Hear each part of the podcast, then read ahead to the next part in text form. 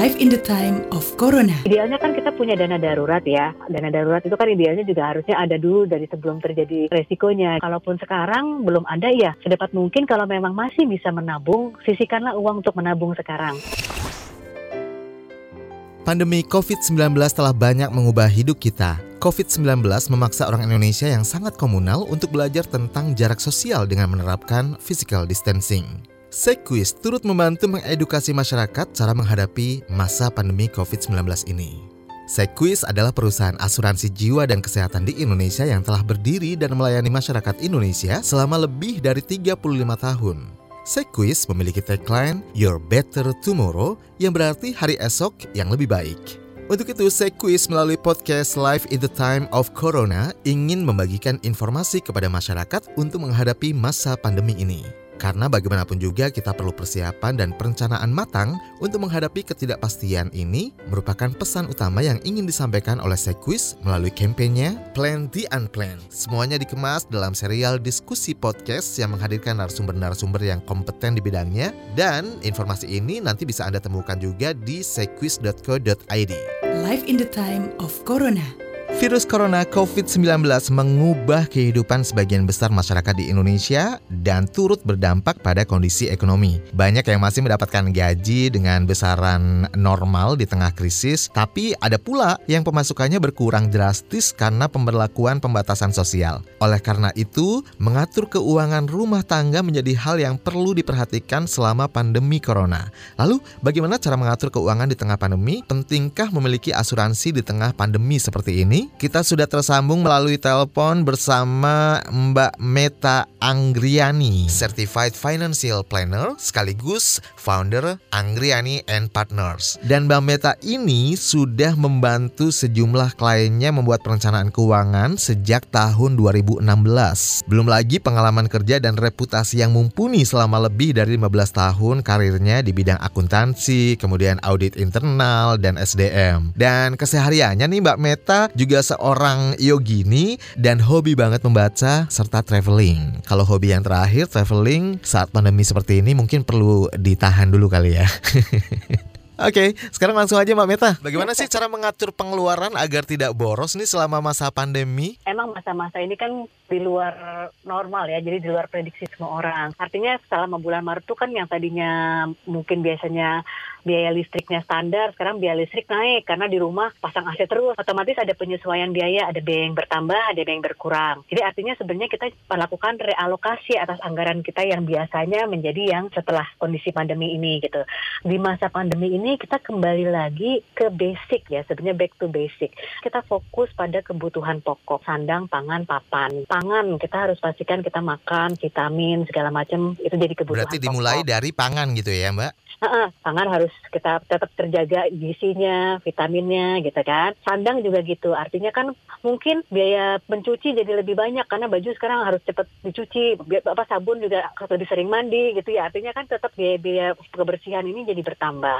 Rumah juga gitu kan. Otomatis biaya rumah tuh bisa jadi bertambah karena kita yaitu biaya kebersihannya bertambah juga atau mungkin yang bocor-bocor segera kita rapikan supaya kita kondisinya aman lah gitu ya. Jadi okay. focusingnya kita harus refocusing refocusing nih, refocusing kepada kebutuhan pokok. Di luar itu ya memang mau nggak mau kita menahan diri. Karena kembali lagi kondisi ini kan e, diprediksi bisa jadi cukup panjang ya. Kalau secara umum dibilang bahwa setelah masa pandemi itu kita butuh waktu sekitar tiga bulan untuk sampai normal kembali gitu ya. Uh, sekarang ini kita sedikit menahan diri untuk kebutuhan-kebutuhan yang tidak terlalu apa urgent, tidak terlalu penting gitu ya. Nah, hmm. ini beda cerita lagi secara strategi mungkin akan berubah hmm. juga ketika kita nih, misalnya perusahaan kita yang melakukan PHK, efisiensi, hmm. potong gaji lah, bla bla bla. Ini bagaimana kita mempersiapkan kemungkinan terjadinya hal ini?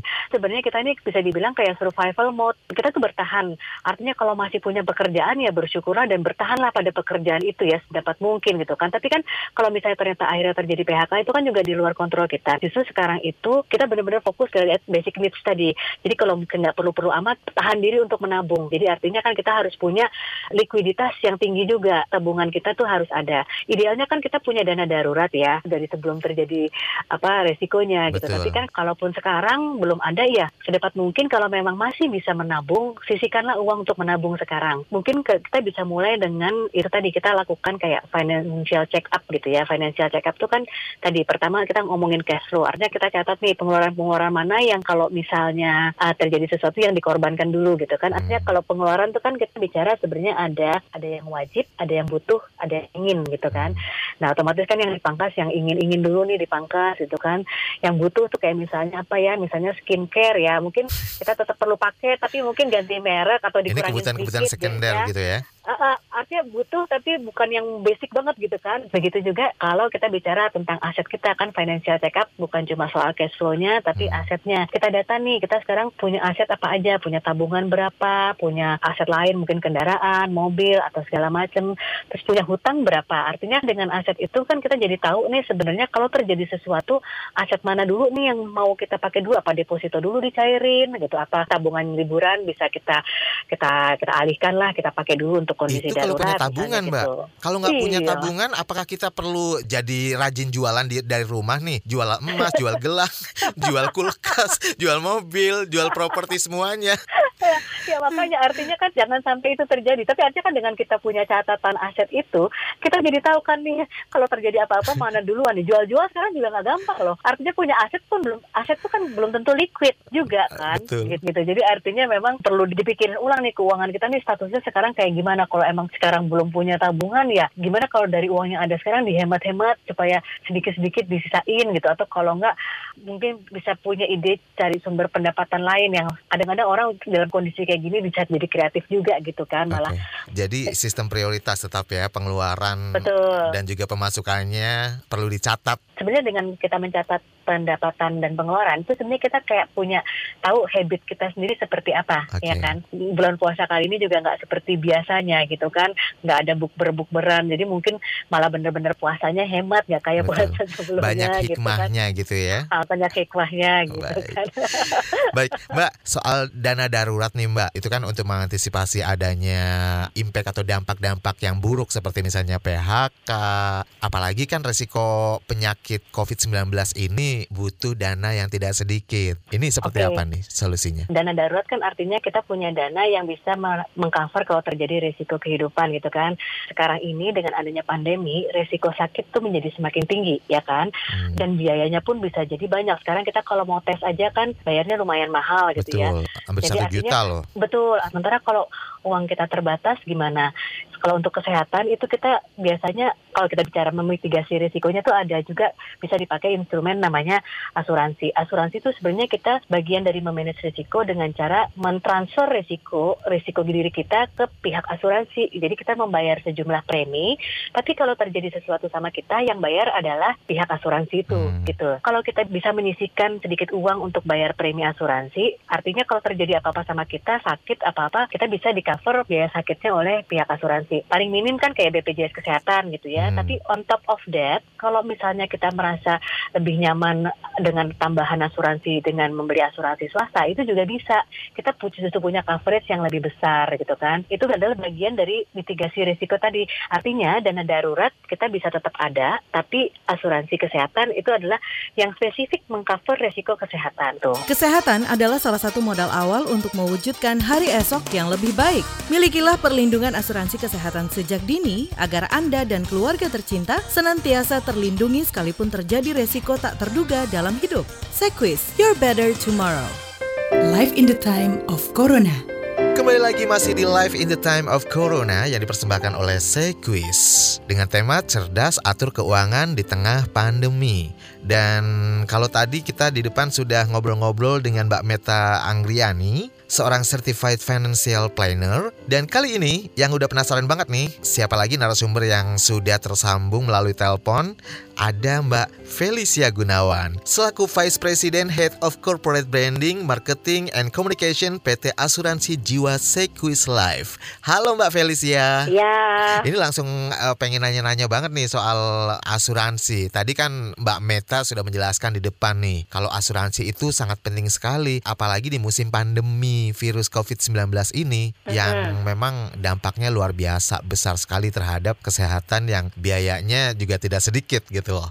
Nah, Betul. ini pentingnya seperti apa sih Mbak Felicia? Penting banget, penting banget. Jadi mungkin saya ceritakan eh, dari ini aja ya, dari kita punya data klaim deh ya. Jadi minggu lalu data yang kami dapatkan dari nasabah-nasabah kami yang terkena positif COVID gitu ya, baik mereka masuk dalam kategori ODP maupun dia PDP gitu ya. Dan kemudian juga bahkan yang baik itu yang dirawat di rumah sakit maupun yang merawat diri sendiri di rumah atau melakukan karantina mandiri. Akhirnya mereka itu kan semua klaim kepada kami. Sampai dengan 25 April total klaim yang sudah kami keluarkan untuk nasabah eh, Sequis sudah mencapai 1,5 miliar. Dari situ sudah terlihat banget gitu ya rata-rata per orang. Mereka harus mengeluarkan kurang lebih itu ya rangingnya macam-macam tergantung kondisi masing-masing orang. Tapi rangingnya itu mulai dari 18-an juta, 20-an juta sampai dengan paling besarnya itu hampir mencapai 40 jutaan. Oh. Itu per orang tuh. Baik,